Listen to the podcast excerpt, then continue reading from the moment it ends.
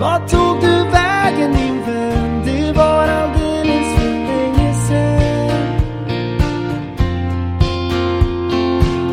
Vart tog du vägen min vän? Det var alldeles för länge sen Vart tog du vägen min vän? God morgon, god middag eller god kväll. Dagens gäst får anses vara en riktig veteran vad gäller realityvärlden. Han har synts i program som Hjälp, jag är med i japansk TV-show, Realitystjärna på Godset och Singing Bee. Han slog dock igenom med dunder och brak i succén FCZ. Vi tar idag reda på vad Tore Kullgren har tagit vägen. Vad är egentligen nördigt och inte? Hur var det att grilla Grenusén? Och hur går det med ståuppkarriären? Många frågor och förhoppningsvis många svar blir det nu. Här är Tore Kullgren.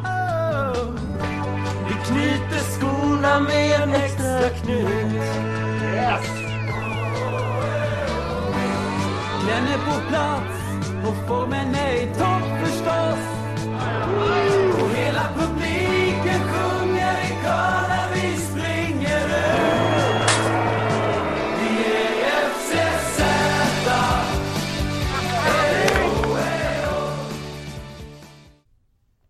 Ja, då sitter vi här med eh, vad som på sätt och vis är en fotbollslegend kan man ju säga. Vi säger välkommen till Tore Kullgren. Tack så mycket! Ja, hur mår du idag? Jag mår rätt hyfsat. Jag har precis varit och tagit antikroppstest. Mm, hur gick det skulle du säga? Ja, det gick eh, fort kan man säga. Ja. Väntar på resultat nu. Jag hade någonting. Jag vet inte om det var covid eller någonting annat. Nej. Är covid någonting som du har varit orolig för skulle du säga? Ja, alltså det, det blev ju någonting som påverkar mig rätt mycket. Det var så här att eh, under våren så har jag haft stambyte och jag har haft eh, mycket hjälp av mina föräldrar. De är veteraner från byggbranschen och planen var ju att jag skulle flytta hem och bo i mitt gamla pojkrum. Okej. Jag skulle passa på att resa lite grann. Eh, riktigt så blev det inte utan de är drygt 70. För deras skull har jag ju behövt isolera mig. Mm, ja, det är klart. Vad hade du för resmålsplaner då? Jag känner lite folk i Portugal som jag hade tänkt hälsa på. Mm. Jag var där i fjol. Ställe som man inte blir färdig med ännu. Nej, Det härligt. får bli en annan gång. Ja, du fick skjuta på det helt enkelt. Eh, Men jag tänkte faktiskt att vi skulle börja lite med FCZ. Det är ju trots allt där kanske ifrån som du är mest känd får man säga. Ja, det är elefanten i rummet. Ja. 15 killar som aldrig rört en fotboll. Fyra månaders stenhård träning Herregud, det här kommer inte gå. Med en av tidernas största svenska fotbollslegender. Jag sova med den här bollfan vid. Ja, men det är ju inte! Det är helt galen. Och sen match mot ett allsvenskt topplag. Springa är det bland det värsta jag vet. Och därför springer jag väldigt så sällan som jag kan komma undan med att springa. Jag går helst, eller helst står jag och sitter istället. Du, du blev ju lite av en reality-profil där, eh, 2005. Kan du berätta lite kort liksom vad FCZ är för de som inte har koll på det? Ja, det här var en realityserie som handlar om eh, att man ska sätta ihop ett fotbollslag av unga män som inte kan spela fotboll och precis som de flesta realityserier så är det här ett internationellt format så i alla fall från början utvecklades det i Danmark. Så eh, jag var ju på en eh, fest och så träffade jag en bekant som jag har från KTH där jag har pluggat.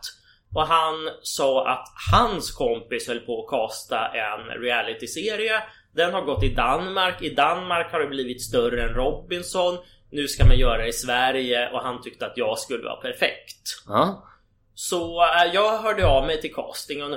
Det här var ju på något sätt i den svenska reality-tvs guldålder. Det var ju liksom när Big Brother gick, Robinson gick, Paradise Hotel hade precis börjat gå. Då var ju så enormt söktryck till de flesta reality-serier. mm. Det, men det kanske var 10-20 tusen som sökte till Robinson när det var som hetast. Just FCZ hade de väldigt svårt att kasta. De kanske fick in 100 sökande Okej. efter ganska mycket jobb. För det handlar väl dels om att man skulle hitta folk som inte kunde spela fotboll till en serie som handlar om fotboll. man, man ville ha killar, där försvann ju halva befolkningen Mm. också. Nej, nej men sen var det över, överhuvudtaget De ville kanske inte hitta folk som var intresserade av mediadelen och kändisskapet för det här var ju också någonting som har för, hunnit förändras kring det att det här var ju som sagt sättet man blev känd på då Mm. var ju genom TV. Då fanns ju liksom inte Instagram och eh, alla poddar och alla de här plattformarna. Och nej men dessutom så sa de ju att de skulle söka nördar. Ja. Ja men nörd, det är också ett begrepp som har blivit ganska urvattnat. Då var ju nörd var ju fortfarande en stereotyp. Det är ju liksom killar men även tjejer som är så här intellektuella som inte är mm, sociala, normala och så vidare. I, idag så är det så här att nästan alla måste vara teknikintresserade och intellektuella för att hänga med i samhället. Så idag så har nörden blivit det normala men då var ju nörden var ju lite då en stereotyp som man tyckte att man kan göra en kul realityserie om. Mm. Men var det någon slags eh, audition inför eller var det bara... Ja, hur, hur såg det ut? Ja, alltså först så gick vi på intervju och då var det 60 pers som gick på intervju. Sen var det casting. Då var vi ute på Gärdet, stor gräsmatta. Då skulle vi spela fotboll och prata lite om eller vi skulle sparka på en boll, försöka sparka in en fotboll i ett mål. Okej. Prata lite om vad vi hade för inställning till idrott och fotboll och så vidare. Mm. Som sagt, det var inte så jättemånga som sökte. Men grejen var väl att hitta folk som inte hade sportat eller tränat förut. Nej. Så snarast att man kuggade de som var för bra. Mm. Och det var väl lite av en lyckträff att man fick ihop ett lag överhuvudtaget. Ja. Var det kriterien för att vara med? Du, Ja. du så nämnde det att liksom Ja. vara var en, nörd i stort sett. Ja, Men vad visste du om programmet inför? jag visste att programmet skulle gå ut på att vi får en sommar på oss och lära oss spela fotboll med en känd fotbollsprofil som tränare och dessutom så skulle finalen bli att spela mot ett elitlag. Mm. Men på den här audition, Ja. vill man veta också hur ni fungerade som person? Att ni liksom gick igenom kameran också? Eller var det mer just det här med fotbollen som var... Ja, alltså det var ju lite audition på så sätt att vi, eh, vi, vi träffades ju i grupper om fem och fem och så skulle vi liksom snacka lite med varandra eh, inför kameran. Mm. För att liksom se lite hur folk interagerar och överhuvudtaget så kan jag ju säga just det här att det var så väldigt lågt söktryck. De var ju nästan desperata att hitta vem som helst. Ja. Det är ju Annars nej, men när det gäller att söka till realityserie annars så är det man måste skriva ett avancerat brev, man måste göra en avancerad video. Det, det slapp vi. Mm. Varför, det blev en su- succé ändå. Ja. Varför tror du så många liksom följde FCZ? Ja, alltså, jag tycker att det är ett starkt format och dessutom så är det någonting som jag, jag är ju standup-komiker nu och då är det lite det här elefanten i rummet. Om man är känd för en grej så får man snacka om det. Det handlar väl bland annat om det här var den första realityserien som handlar om personlig utveckling. Mm. Idag så är det ju rätt många realityserier som Året efter oss kom ju Let's Dance och Let's Dance det är ju egentligen samma. Det är FCZ för dansare. Ja, ja precis. Och det är väl, nej men sen, sen har man, dels så har man ju som till exempel Lyxfällan att det är folk som behöver hjälp att bygga upp hela sin privatekonomi. Det är ju någonting som är lite mer allvar. Att, att vi inte kan spela fotboll, det är någonting som är, kan göras lite på skoj. Men, nej men överhuvudtaget så finns det massor av realityserier som handlar om folk som behöver utvecklas på någonting. Allt möjligt som till exempel Maestro. Jag hörde att eh, Rami som var din Mm. gäst, han, han, han var gäst där. Det handlar om att lära sig dirigera någonting som eh, deltagarna inte kunde förut. Så det här, det här har ju gjorts i hur många varianter som helst men FCZ var ju ändå på något sätt först. Ja, precis.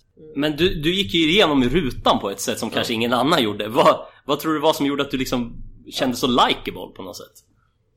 Alltså dels så var det väl här att eh, vi var ju 15 deltagare som brydde sig om ganska olika grejer. Alltså de, de flesta brydde sig inte om kameran. Alltså vissa ville ju vara med för att de ville träna upp sig. De ville bli bra på fotboll. Mm.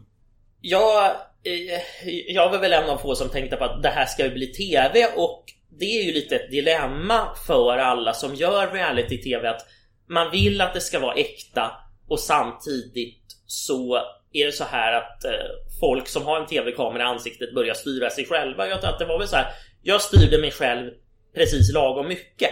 Mm. Det vill säga att man ska tänka på att man ska säga någonting kul, intressant. Samtidigt så ska man inte bli en skådespelare. Nej. Och det, det är också någonting som man märker. Jag menar TV utvecklas. På den här tiden så som sagt, sociala medier fanns inte. Jag tror att alla som är födda på 90-talet är sina egna regissörer. Mm. Men det var vi inte då utan eh, jag tror att vi uppfattades som ganska äkta. Men äkta människor som förhoppningsvis så hade jag någonting att säga om sport. Just den här krocken från att okej, okay, jag eh, man, man, gör någonting helt nytt och så ska man säga någonting intressant om det. Mm. Ja, jag förstår. Du var ju ändå den som liksom fortsatte mediebranschen efteråt. Ja. Varför tror du att det inte blev fler än du som ändå höll sig kvar? Alltså det är ju eh, några som har synts lite här och var men eh, jag har ju liksom lyckats eh, ta mig in i humorbranschen. Man har hittat tuvor att hoppa på. Jag var, fick vara gäst i Time Out och gäst i Extra Extra. De här panelprogrammen där liksom, jag hade ju liksom bara varit med en säsong i en realityserie men det var ju ganska tunga namn som man fick träffa då. Mm. Och nej men en, ett stort gig som jag fick det var ju Sverige dansar och ler. Och det var ju, nej men en sak som man också har fått lära sig med mediebranschen är namedroppa aldrig. Det sa Felix mm. Herngren till mig. Okay. Mm. Nej men alltså då, då var ju så här, det var ju Henrik Schyffert och Felix Herngren som gjorde ett humorprogram med där lite All Star Cast. Ja, och då fick ju jag göra ett kaféprogram där jag fick spela mig själv. Ja. Hur var det? alltså det var ju väldigt speciellt att bli regisserad till att vara någon sorts skruvad variant av sig själv. Men det är ju för sig ganska många komiker som har breakat så. Det är egentligen det som Seinfeld är också känd för att spela en låtsasversion av sig själv. Mm. Jag ska säga, det var väl ett grepp som gjorde att jag eh, lärde känna folk i humorbranschen och kunna fortsätta med det. Mm. Fanns liksom ett medieintresse redan innan FCZ? Om du förstår vad jag menar, ville du liksom in i den branschen? Alltså man är alltid nyfiken på alla nya grejer man gör. Sen var det så här under själva inspelningen så tänkte vi inte så mycket på TV eller kändisskapet eller så vidare. Det kändes... Då tänkte vi mest på att nej men vi ska eh, vi ska träna och det känns lite som att ja, de gör liksom motsvarande en semestervideo för oss. det, det var ingenting som vi tänkte på så mycket. Sen var väl nej, men, intressant att träffa känt folk från olika branscher. Sen var det också så här att när, när ett tv-program inspelas då så ska det ju klippas och då dröjer i, en, i studion och sen dröjs det kanske några månader innan man börjar gå på tv och då var det så här att man hälsar på på kontoret på Nordisk Film mm. och det var så här, alla på kontoret kände igen oss Mm. och det är också lite bizarr känsla att bli igenkänd av folk man inte har träffat. Ja, hur var det liksom den här... äh, Ja, hur det bara blev från inget till allt på en gång?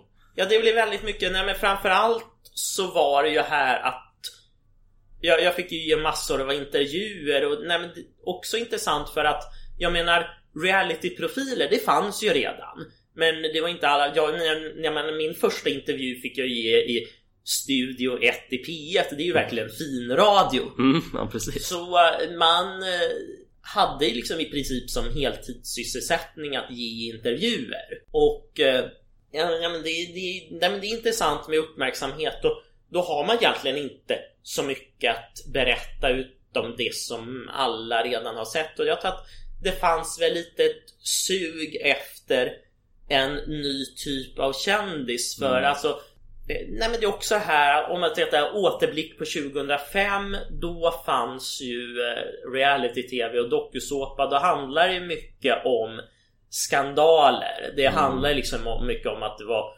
fylla och sex i Big Brother-huset och så vidare och så FCZ blev någonting helt annorlunda. Som sagt, nu, nu finns det ju massor av reality-deltagare med väldigt olika personligheter. Sen också det här, ska jag säga, stereotypen det var väl ja, men överhuvudtaget människor Folk var väl intresserade. Jag har pluggat teknisk fysik och har liksom Vissa blir forskare, andra liksom blir någon typ av ingenjör i industrin. Det här var ju också en typ av människor som inte syntes i nöjesbranschen. Nöjesbranschen var ju ett tag väldigt likriktad då så man är alltid nyfiken på att det kommer in nya personligheter. Mm.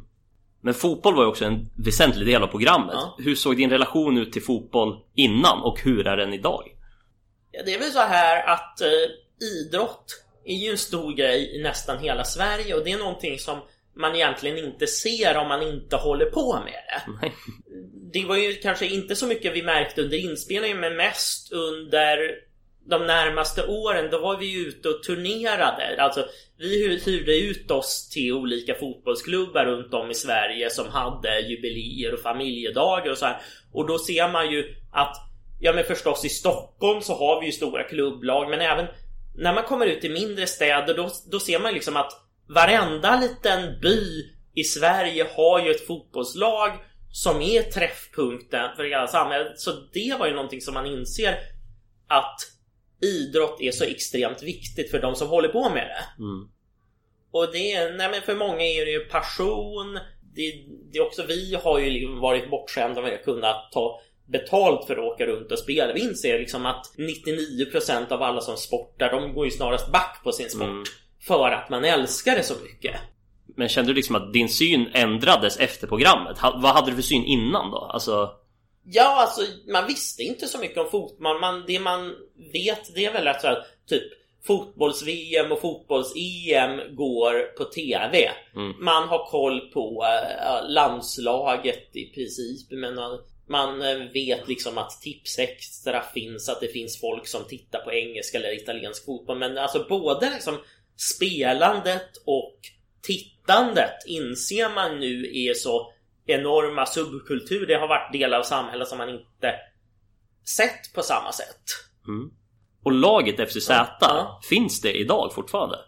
Ja, alltså vi är väl eh, några. Det är väl framförallt eh, Andreas och Johan eh, vi som bor i Stockholm. Vi, vi brukar träffas men det är väl också där Ja, man hörs av lite. Men det handlar väl framförallt om att det är flera som får barn, flera som bor i andra städer. Men grejen var väl att i alla fall några år så var vi ute och turnerade tillsammans. Mm. Så och det är väl dessutom det här att vi har en sammanhållning till skillnad från folk som Alltså, om vi säger typ Robinson-deltagare, det är klart att vissa av dem blir polare efteråt men det är ändå så här att de, flest, de flesta dokusåpor är upplagda för att man ska bli riva, rivaler. Mm, lite egna vinningen, men här var ja, det ju ett lag. Ja, ja, men det är så att de, särskilt om man tittar på amerikanska dokusåpor så är liksom det värsta klyschan i synk, alltså synk det är den här intervjun mm. som man har inför videokameran. Så här, värsta liksom eh, dokusåpa-deltagare klyschan det är I'm not here to make friends. Nej. Kanske lite mer amerikanskt så här men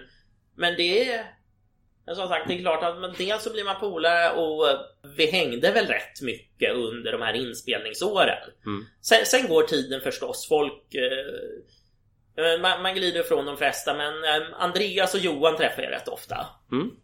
Men om vi då skulle sammanfatta FCZ-tiden, ja. hur skulle du beskriva den rent generellt? Ja, generellt så var det väl lite av en oväntad hit. Alltså det här var ju lite av ett lågbudgetprogram. Det är alltså, det är inte som i Robinson där man hyr in en helikopter utan det var egentligen ingen i tv-branschen som hade förväntat sig att det skulle bli en stor grej. Nej. Och sen var det väl att man spann vidare på det. Sen kom ju HCZ, det var ju liksom en hockeysäsong. Vi gjorde en andra säsong som var den andra säsongen var väl lite sådär. Det kändes som att eh, produktionen hade tappat sugen lite grann. Det liksom, och eh, tredje säsongen blev ju egentligen det, det blev jag egentligen av i Island för att vi blev inhyrda av isländska FCZ för att spela mot dem och egentligen mest för att förlora mot dem för de var ju faktiskt bra på fotboll. Alltså, det är svårt att hitta islänningar, liksom, dels är så lite försök kasta islänningar som är dåliga på sport. Ja, det kan bli rätt marigt tror jag. Ja. Men om du skulle få förfrågan att göra ännu en säsong med FCZ, hade du tackat ja då? Ja, alltså, då hade man nog sagt show me the money. Mm. Ja, men det är väl lite så här i nöjesbranschen så kan man ju liksom, man, man kan eh, jobba gratis hur mycket som helst men någonstans så vill man, eh, måste man ändå betala hyran. Ja, det är klart. Ja, men det tror jag att det är någonting som har tjafsats om en hel del om i realitybranschen. Att för det första så var det så här att reality, reality-tv uppstod ju i Sverige för att tv-bolagen behövde gratis arbetskraft. Mm.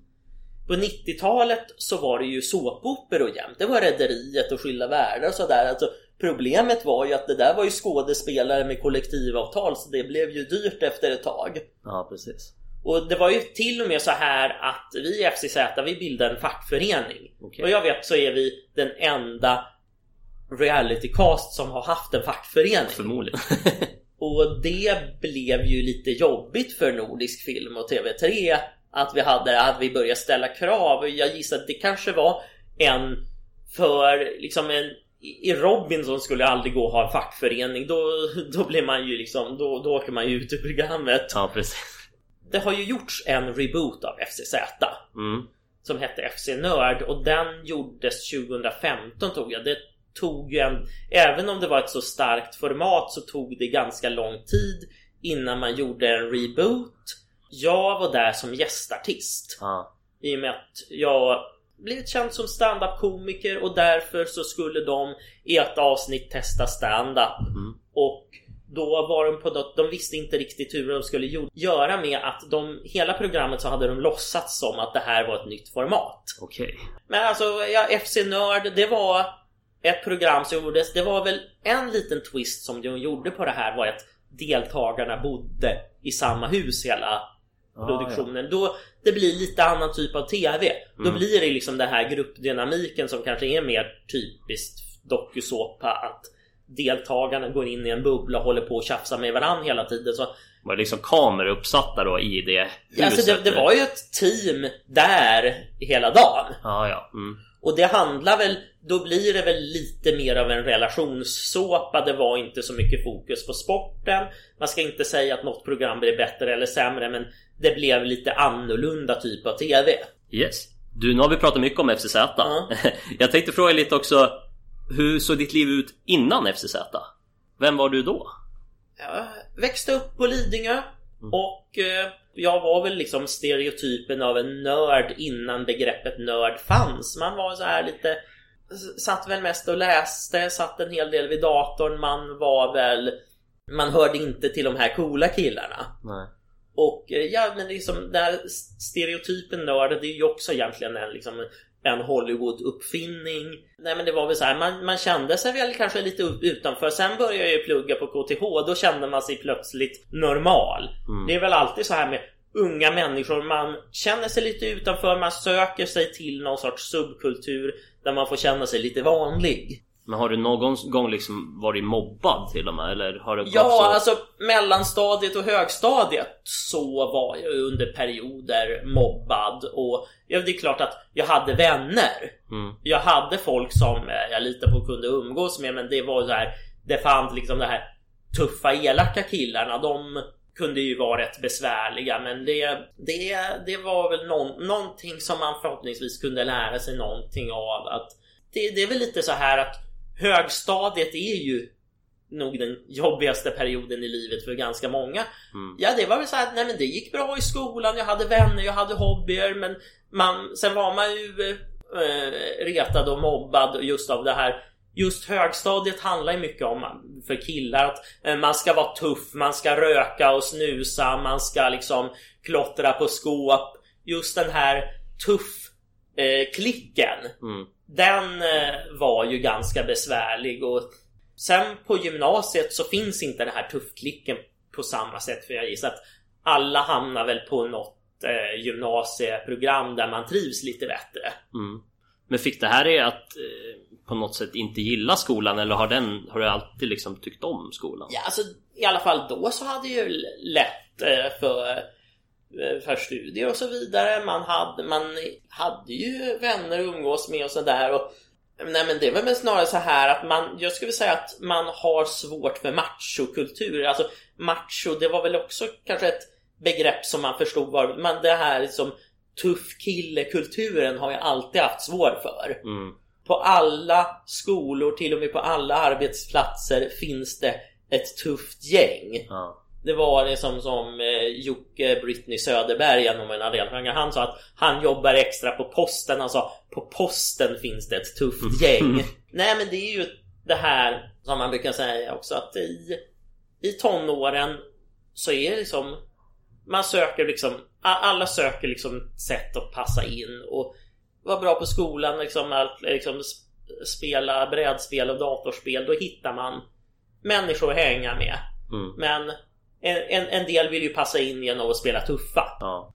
Men eh, en kriterie för att vara med i FCZ Ja. det var ju liksom det här att vara en nörd. Ja. Men vad, du har varit inne på det, men vad är en nörd enligt dig? Ja, en nörd brukar man väl säga det är en intellektuell person som kan vara lite socialt udda. Det kan vara en person som har väldigt passion för intresse och egentligen bryr sig lite mindre om om det här intresset har status eller inte. Ibland så kan någonting få väldigt hög status men idag måste man det är ganska ofta att man är intresserad av vetenskap, teknik, konst eller någonting eh, ofta någonting intellektuellt. Mm.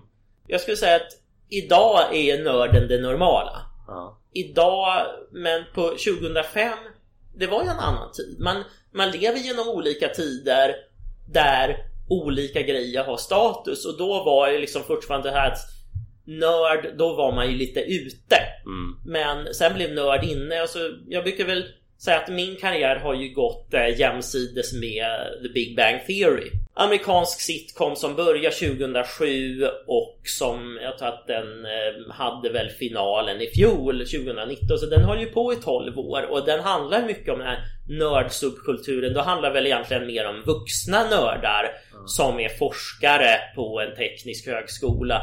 Det börjar med att ja, men de är så missuppfattande och så vidare. Men det är så här att då hinner ju till och med samhället hinner ju förändras. Idag är det ju status att, eh, att ha en teknisk utbildning på ett sätt som det kanske inte var på samma sätt för 20 och 30 år sedan. Mm. Ja, det, var, var en snygg koppling måste jag säga. Du, eh, apropå det här temat med nörderi och så. Jag tänkte vi skulle göra ett litet test nu. Där vi en gång för alla ska reda ut vad som är nörd eller inte. Så du får helt enkelt vara enfaldig jury här. Ja. Och bedöma då vad som är nördigt och inte av dessa fem saker. Och eh, då börjar vi med nummer ett här. Att vara smart. Vara smart, det är liksom någonting... Smart är underförstått typ street smart, att ha kontakt. Det är kanske inte nördigt. Jag, jag skulle säga att en av de smartaste personer i mediebranschen jag träffat det är Carolina Gynning. Okej. Hon är mer så här.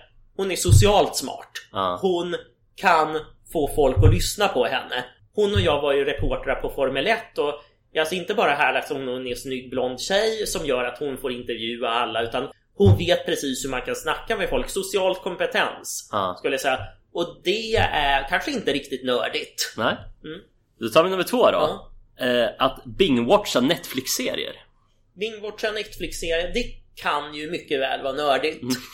Snöar man in på någonting och förflyttar sig till en helt annan värld. Sen kan man ju för sig säga att om det är någonting smalare, om det är någonting lite mer udda som inte med mindre publik, det, det är nördigare. Ja. Att se typ, ja men man säger att ja, Game of Thrones då Ja, kanske nej, inte. nej men Game of Thrones det är ju fantasy. Fantasy det har ju länge räknats som lite udda eller konstigt. Men det är också så här grej som räknades som nördigt. Men Nej men det är liksom Sagan om ringen, Game of Thrones, många liksom fantasy och science fiction. Det är så, så många som ser det så Ja, alltså kalla det nördigt men i så fall är det nördigare än det norm- normala nu. Mm. och det här då, att gamea. Att gamea, alltså det är ju spela datorspel. Mm. Det skulle jag säga är ju det underförstått så är väl gamea det spel inte bara liksom spela en level på Candy Crush utan det är liksom att spela som aktiv hobby och försöka bli bra på det. Mm. Det skulle jag säga är nördigt. Det är lite mer subkulturellt. Ja. Det är någonting som inte alla gör. Nej. Det känns som vi börjar reda ut det här faktiskt. nummer fyra då, att rollspela. Att rollspela i betydelsen av bordsrollspel. Det är helt klart nördigt. Det är subkulturellt. det är någonting som kräver att man läser in sig en hel del på en fiktiv värld. Jag läste in mig på till exempel Drakar och Demoner och MUTANT. Även eh, levande rollspel live som jag aldrig har kört men som jag tycker verkar jättekul. Mm. Och det är väl just det här, det är lite smalt, det kräver en del tröskel innan man kommer igång med det. det då blir det lite nördigt. Mm. Men inte i sängkammaren kanske, där kanske Sen inte nej men det finns ju, där tror jag att det Grejen med sex är, sex är väl liksom det lättaste hobby man kan ha. Vilken idiot som helst kan ha sex. Då, men absolut, det kan väl tänkas att det finns en del kinks och rollspel som är lite udda som nog kan räknas som nördigt. Mm. Då kanske man ska snöa sig in på det Ja. rätt rejält dock. Sista här då, att få alla rätt på skolprovet. Att få alla rätt på skolprovet, det är nog rätt nördigt i alla fall. Om det är en så här... Må- många lärare försöker rigga riktigt svåra prov. Mm. För att liksom det här provet ska inte gå att ha alla rätt. Då är det nördigt att ändå ha alla rätt. Mm. Ja men vad skönt, du, du har vi rätt ut det här känner jag. Men apropå det här med skola och utbildning. Mm. Ja. Du har ju läst på KTH, vad pluggade du? Jag har pluggat teknisk fysik Mm. med inriktning på eh, mekanik. Det är alltså Först läser man en massa matte. Ja, men fysik det handlar ju om hur universum rör sig. Man läser dels ja, mekanik. Det handlar ju om krafter och liksom hur, dra i rep framförallt. Hur rör sig luft och vatten runt i ett rum? Hur formas en virvel? Mm. Alltså det snuddar ju en del mer kring meteorologi, väder och klimat och så vidare. Mm. Men det handlar ju mycket om, man kan säga att det är läran om hur man räknar på rörelse. Mm. Har du haft eh, någon eh, nytta av den utbildningen idag? Jag, jag skulle säga att det är så mycket i vardagen som är kopplat till matte och fysik. Och det är väl det som jag eh, i framtiden har tänkt mig jobba med någonting matte och naturvetenskap helst och kunna undervisa det till folk. Kanske inte som någon vanlig lärare. Mm. Någon typ av folkbildning skulle jag vilja jobba med. Lär, man ska inte bara lära ut utan man kan berätta för folk. Nej men allt möjligt som jag har ju eh, med mycket hjälp från mina föräldrar har vi inrett ett nytt kök. Mm. Ska man förstå hur funkar egentligen en induktionsspis? Mm. Det behöver man egentligen ha pluggat eh, elektromagnetisk fältteori för att kunna Mm. förklara. Och det har jag faktiskt. Ja. Men okej, använda spisen är inte så svårt. Nej. Men har du alltid liksom haft det intresset ändå? Alltså Ja. att du vill lära dig mer om saker och ting? Ja, det hade jag sedan jag var barn. Mm. Sen är det just det här att man måste läsa väldigt mycket matte för att kunna göra det på riktigt. Ja. Man kan ju alltid liksom se dokumentärer om universum och relativitetsteori och så vidare. Haken är ju att för att kunna göra det korrekt så måste man räkna matte. Matte tycker de flesta är tråkigt men, men jag kanske ska försöka. Jag har ju hjälpt några vänner som gått på komvux med matten och Mm. det gick rätt bra. Alltså, det kanske är undervisning och folkbildning som jag ska satsa på. Mm. Ja, det tror jag du skulle passa bra som, Mm. måste jag säga. Men du gjorde ju ändå ett radikalt eh, karriärbyte får man säga när du tog dig in i mediebranschen. Mm. Vad var det som lockade med, med den branschen? Ja, det är väl så att man fick hamna i väldigt fint sällskap. Man fick eh, träffa alla. Man, man insåg ju liksom att eh, man blev inbjuden till alla tv-program där det liksom var väldigt tunga namn. Och det är väl lite så här, nöjes-Sverige är ju så litet så efter ett tag så känner man alla. Sen handlar det också om att man behöver ju på något sätt eh, bidra till en bransch. Som nu är jag stand-up-komiker. Jag har ju haft en stand-up-klubb till och från. Just nu driver jag en Facebook-grupp som heter Standup-forumet och det är ju egentligen där tas egentligen ganska många debatter som handlar om svensk humor. Överhuvudtaget så här i en liten bransch så handlar det om man ska inte göra sig för många ovänner. Nej. Det är lite så här, de flesta nöjesbranscher had, har haft en del skandaler där folk har försvunnit. Som metoo blev ju en stor grej i, eh, i standup-branschen. Men, eh, och sen bara liksom reaktioner på att folk blev arga på reaktioner och så vidare. Nej, nej men man, man ska inte dra upp gamla konflikter men det handlar om man, man ska vara schysst i Mm. nöjesbranschen. Det, är- det är en allmän regel som brukar gälla. Mm. Jag har annars uppmärksammat att du är ganska flitig på sociala medier. Ja. Eh, du använder främst Twitter kan vi väl säga. Ja. Vad är sociala medier för dig och hur, hur använder du den? Sociala medier, det har ju blivit det nya sättet att vara känd. eh, jag lyckades komma in i liksom den här ganska trånga tv-branschen. Man var ju tvungen att göra tv. Idag så är det ju genom sociala medier som man skapar och uppehåller ett kändisskap. Det var snarare så att förut så var man med i tv, sen blev man känd. Så idag är det snarare att man börjar bli känd på sociala medier, sen får man vara med i tv. Eh, Jag, jag har ju haft den här lyxen att vara med i tv sen. Jag kör ju mycket Twitter framför allt. Det är liksom, och där det intressanta är ju att man kan blanda humor och allvar. Man har det lite som testbana som komiker för sitt material. Ja, Okej, det är så du jobbar med. Ja, dels har man det. Sen kan man ju diskutera politik. Som ett politiskt område som jag har varit eh, engagerad en del i. Det är stadsplanering. eh, Jobbar för organisationen Yes in my backyard, förkortas Jimby. Mm. Berätta mer om det. Jimby det är ett ideellt nätverk för folk som gillar stadens fördelar. I det, fenomenet NIMBY, Not in my backyard, det är ju vanligt i Sverige att när någonting ska byggas så börjar folk protestera mot det. Man säger att man vill ha det som det var förr och så vidare. Här handlar det snarast om, vi diskuterar, hur kan man bygga nya saker i en stad så att folk känner att man vinner någonting på det här bygget. Att man får mer service, man får nya grannar, det skapas fler jobb och så vidare. Och det gäller väl särskilt i Stockholm, men vi har ju underavdelningar i många andra svenska städer där fler än någonsin flyttar till städer och vill bo i städer. Man vill ha det hållbart. Liksom. Det handlar väl om miljö också. Man vill liksom klimat, man vill bort från eh, beroende av fossila bränslen och så vidare. Och det är ju också ett sätt att det här är ju liksom helt frikopplat från humorbranschen. Det här är liksom man jobbar med ganska seriöst. Man får träffa egentligen alla i stadsplaneringsbranschen. Har du märkt av att det gett något resultat på något sätt? Vi har skrivit yttranden om en del planerade områden i Stockholm som till exempel Norra Djurgårdsstaden. Det är ett område som har börjat bli färdigt nu. Där har vi yttrat oss om att vi vill ha lite mer varierade fasader. Ah, Husen ska inte se ut som kopior av varandra. Man vill ha in mer kulturverksamhet. Det känns som att det har man ju fått in i planändringarna. Härligt. Apropå det här med tv-jobb då. Ja. Vad tycker du har varit roligast att göra? Du har ju varit med ganska länge nu i branschen. Jag tycker att det har varit roligast att eh, köra stand-up. Mm. Då får man ju träffa folk live. Man får ju också den här omedelbara bekräftelsen. Man kan få ett helt rum och skratta.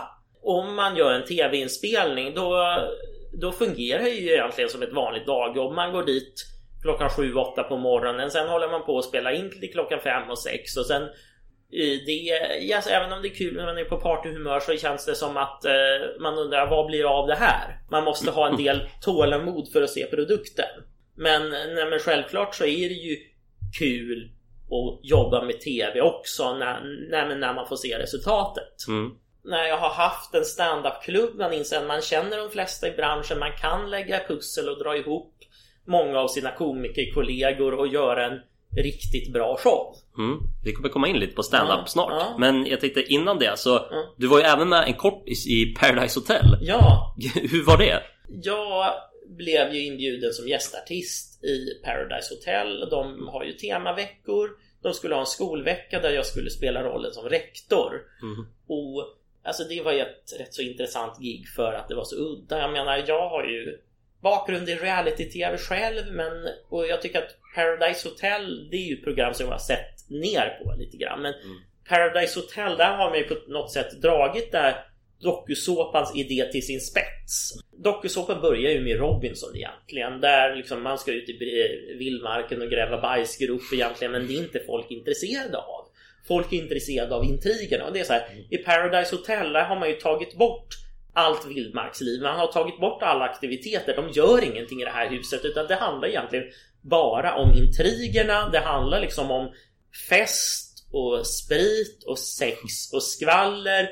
Och det är just det här att de, de är ju tio deltagare ungefär i det här huset. De har internetförbud, telefonförbud.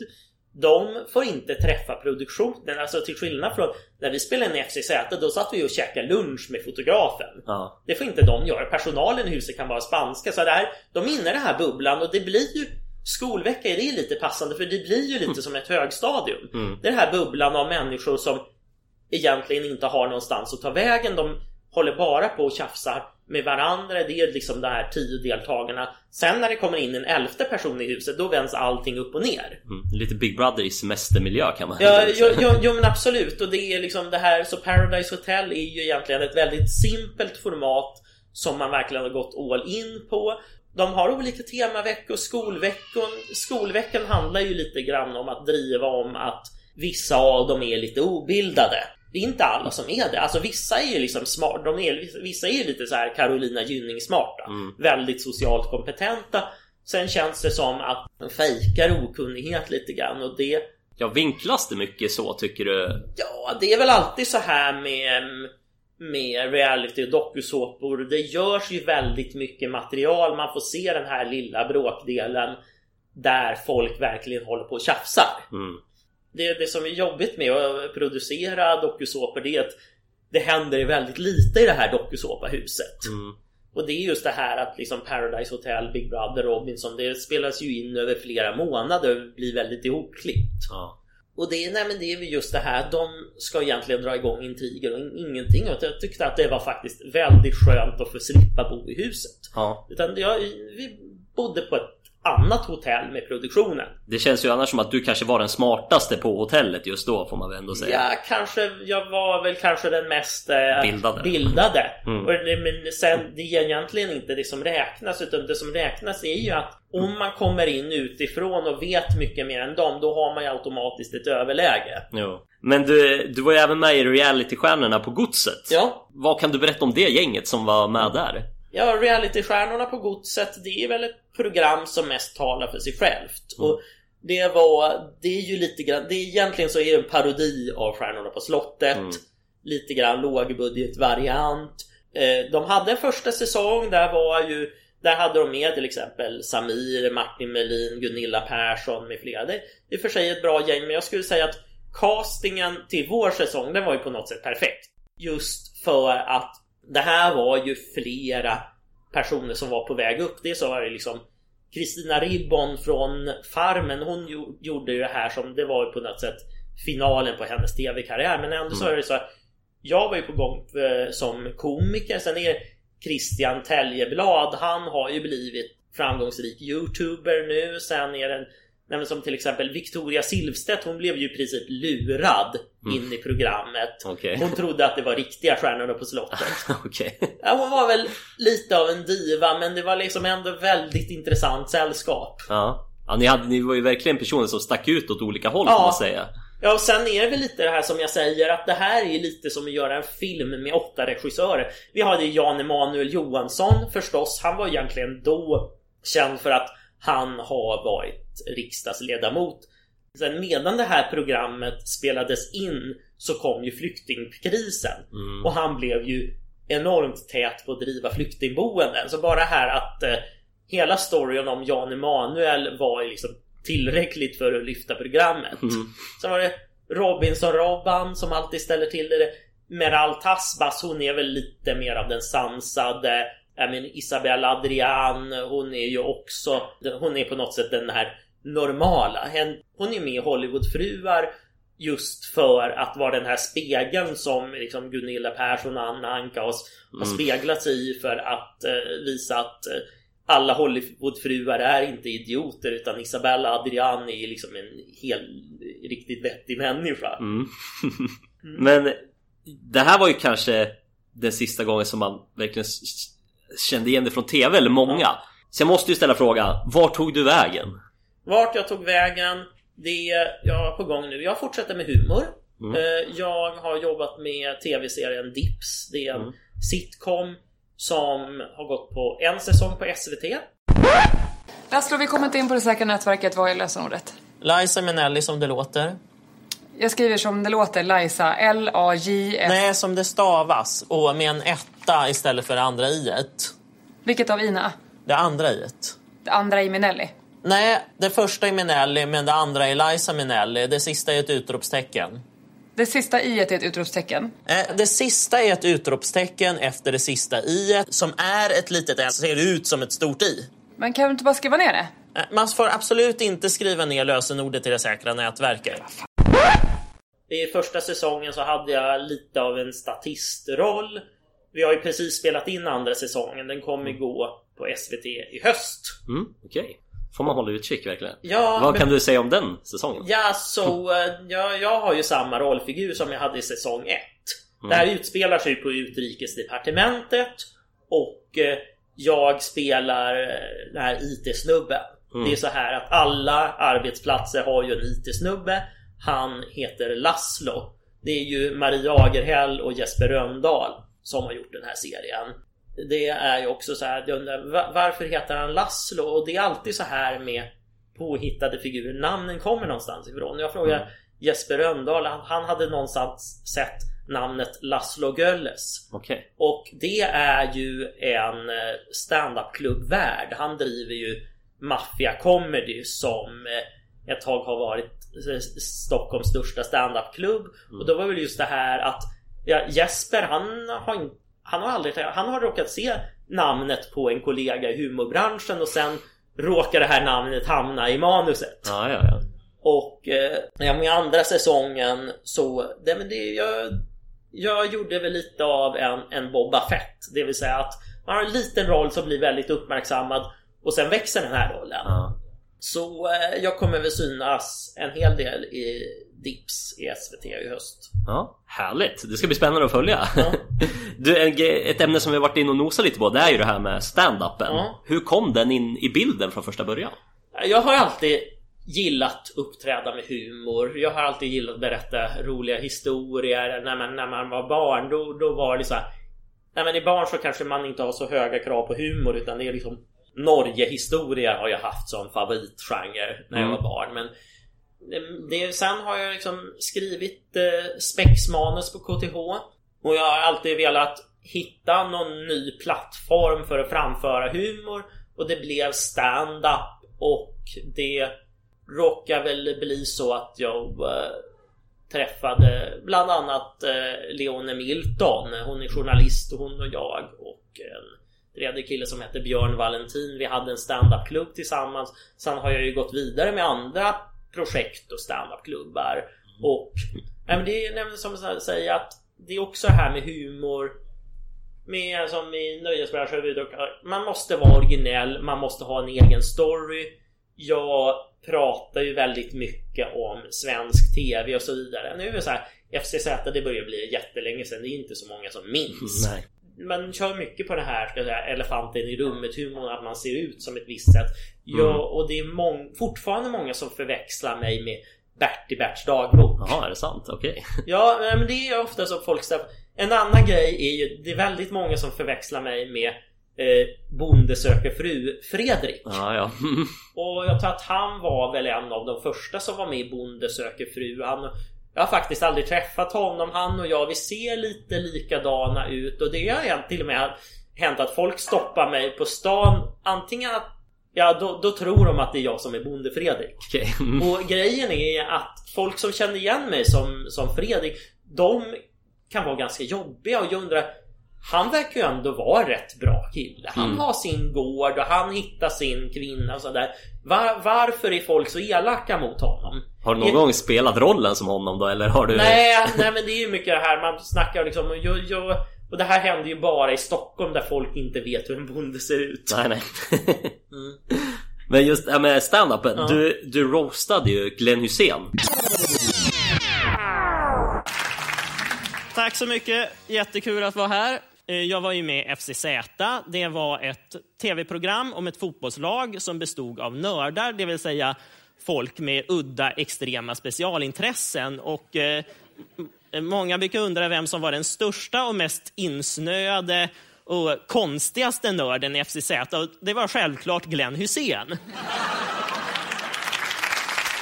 Glenn Hussein han, han kan allt om fotboll men ingenting annat.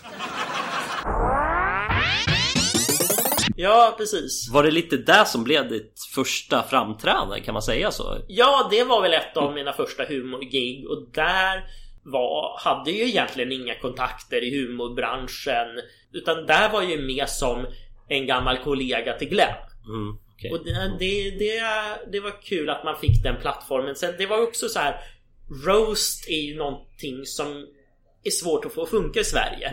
Det är också det här engelskspråkig grej. Alltså man ska vara lite elak. Okej i Sverige vi har haft lite elaka bröllopstal och sånt här. Det, det kan funka och grejen är ju att med roast att man måste hitta en huvudperson som dels kan ta väldigt hård roast och sen kan ge tillbaka.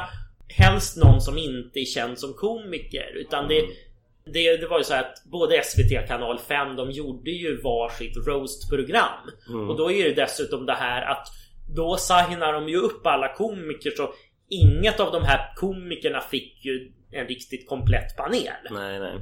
Det är alltid så här tv-kanaler slåss om profilerna. Och alltså problemet är när eh, kanal 5s roast, roast på Berns, det slutar med att komiker satt och roastade varandra och då blir det ju lite fake.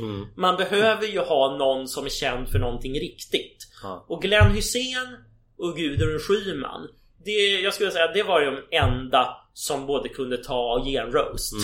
Ja, de, de gjorde det snyggt alltså. Ja, men och det är ju så här, det var svårt. Alltså det var ju... Det blev ju lite av ett skandalprogram för det var ju fler så, som, program som spelades in men inte sändes. Det var till exempel Peter Harrison gjorde ett program och det handlade liksom Det var ju bara skämt om hans vikt och då krävde han att det skulle klippas ner. Sen skulle de roasta Anna Bok och hon ställde som krav Inga viktskämt och då finns det inte så mycket kvar att säga om Anna Bok. Det är svårt när det, Ja. när det ska roastas och man inte Ja. får säga vad man vill heller. Nej, nej men precis så det är som Av all typ av humor så är roast ibland det svåraste att jobba med för det Man måste casta precis rätt personer Mm.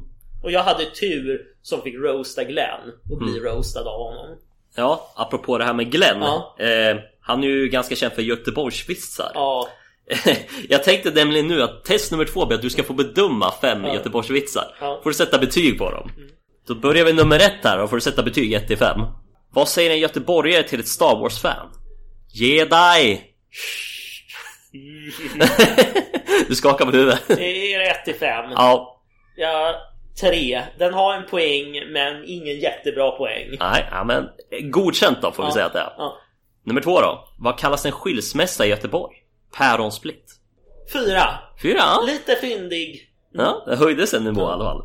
Okej, vad sa den ena kannibalen till den andra? Är du god eller?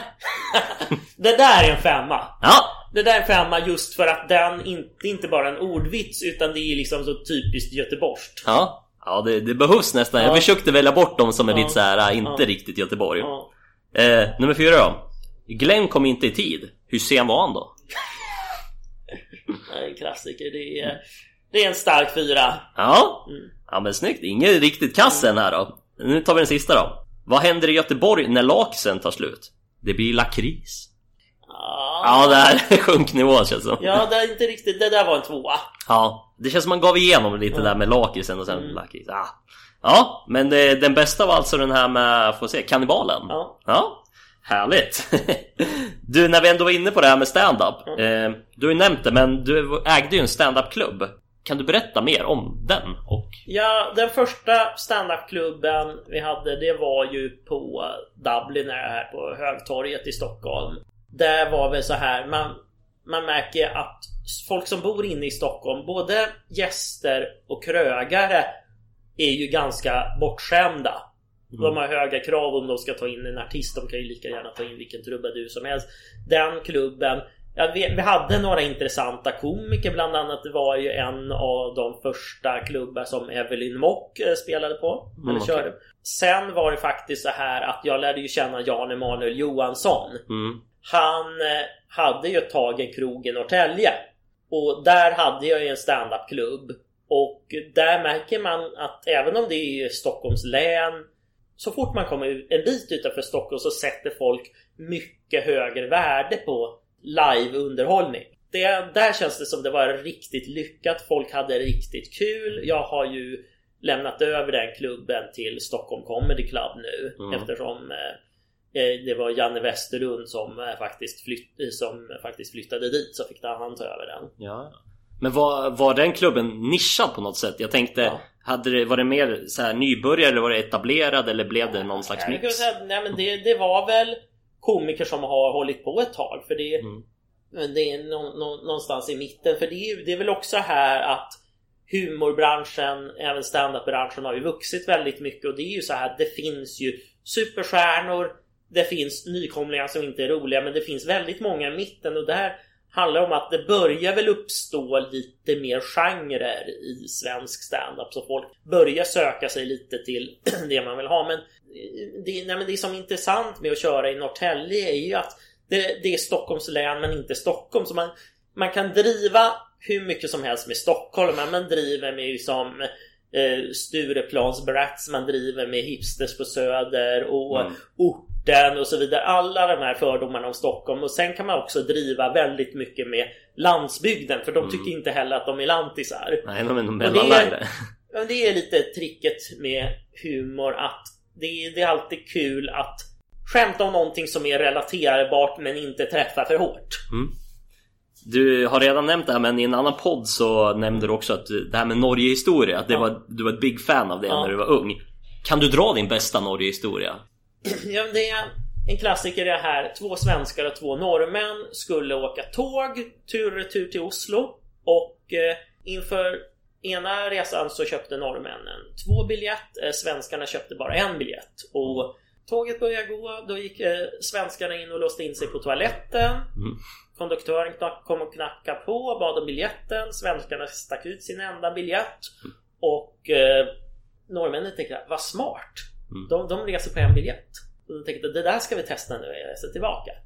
Och eh, när de väl var i Oslo och skulle gå på tåget igen då hade norrmännen köpt bara en biljett.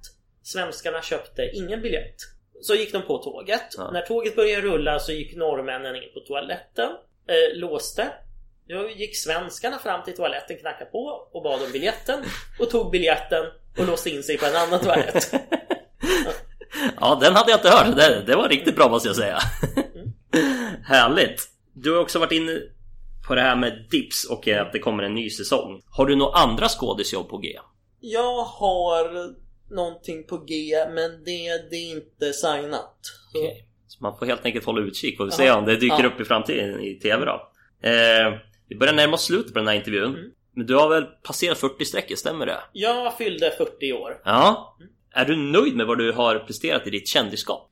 Ja, absolut, jag har fått chanserna att träffa intressanta människor, säga intressanta saker, få folk att lyssna, förhoppningsvis kunna ha varit en bra förebild.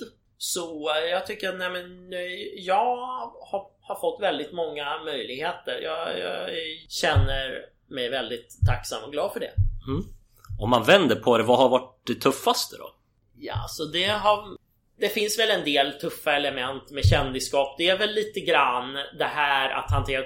Många, liksom både vanliga människor och journalister blir ju väldigt nyfikna på ens privatliv. Blir väldigt ny, nyfikna på en kärleksliv. Ja, men jag har väl dejtat en del. En del gånger så har jag dejtat någon som jag har tagit med mig på någon kändisfest och så vidare. Då får man ju massa frågor kring det här. Och ja, man får väl se, se till att säga någonting. Det, det är lite dilemmat om man eh, om man i alla fall blir känd för någonting lättsamt så förväntar sig folk att man berättar lite om dem man dejtar. Och överhuvudtaget så kan jag säga så här att jag har ju haft otur med mina svenska flickvänner. Jag brukar ju klicka mycket bättre med mina med tjejer från andra länder. Jag var ju i Mexiko Ja. Då eh, hade jag ganska mycket fritid och då körde jag igång Tinder. Jag har aldrig haft så hög hitrate på Tinder som jag hade i Mexiko. Okej. Du- Varför tror du det var så? Ja men det är ju och överhuvudtaget så här, jag har, har svårt att hitta bra tjejer i Sverige. Men just det här för människor som inte är från vår del av världen så är liksom jag blond, blåögd, lite exotisk. Mm. Många som har lite fetisch och det... Nej men det var ju faktiskt så här i Mexiko så var jag ju som Sista dygnet så bodde jag i Puerto Vallarta, det är det här närmaste storstan där lite amerikaner åker på spring break.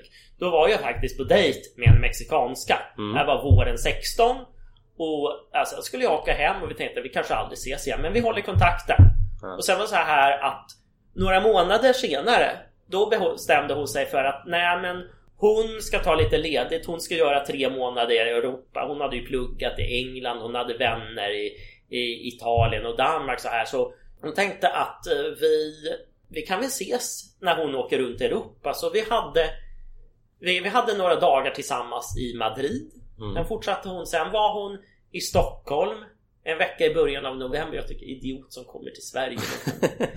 Men det var faktiskt snö då. Sen, sen så åkte hon vidare till Danmark och England och sen så hade, avslutade vi med att hänga i Paris i en vecka. Väldigt romantiskt men också där man inser att hon åker hem till sig, jag åker hem till mig. Så där var det slut. Så det var liksom kort men intensiv romans i fyra olika länder. Ja, okej. Men det finns ingen möjlighet att det skulle kunna bli någonting igen? Ni, hade ni kontakter fortfarande? Eller? Ja, om, om jag skulle ha vägarna förbi Mexiko. Mm. Det är väl just den biten som kanske är Ja. svår i det här läget nu. Som... Ja, nej men precis. Mm. Men eh, då så Tore, då har vi faktiskt gått i mål. Ja. Eh, för att använda en fotbollsreferens. Känner du dig nöjd med intervjun? ja, men absolut. Ja, skönt att höra. Då återstår bara för mig att ställa den sista frågan här. Eh, är det någon du undrar vart den har tagit vägen? Ja, det kan väl vara. Jag är, har varit ett stort fan av Bron. Jag undrar vart har Sofia Helin tagit vägen? Vad har hon på gång nu? Mm. Snyggt! Du, tusen tack Tore för att du ville vara med. Mm, Och, och ni som har lyssnat, vi hörs snart igen. Hej. Hej då! Där knöts säcken ihop för avsnitt nummer 16. Jag tackar Tore Kullgren för det och hoppas att ni har tyckt om avsnittet. Är det någon gäst ni skulle vilja höra i programmet? Tveka då inte att höra av er till mig på poddens Instagram. Ja, mer än så hade jag inte att säga denna gång, utan vi hörs igen nästa vecka. Ha det gött så länge, hej då!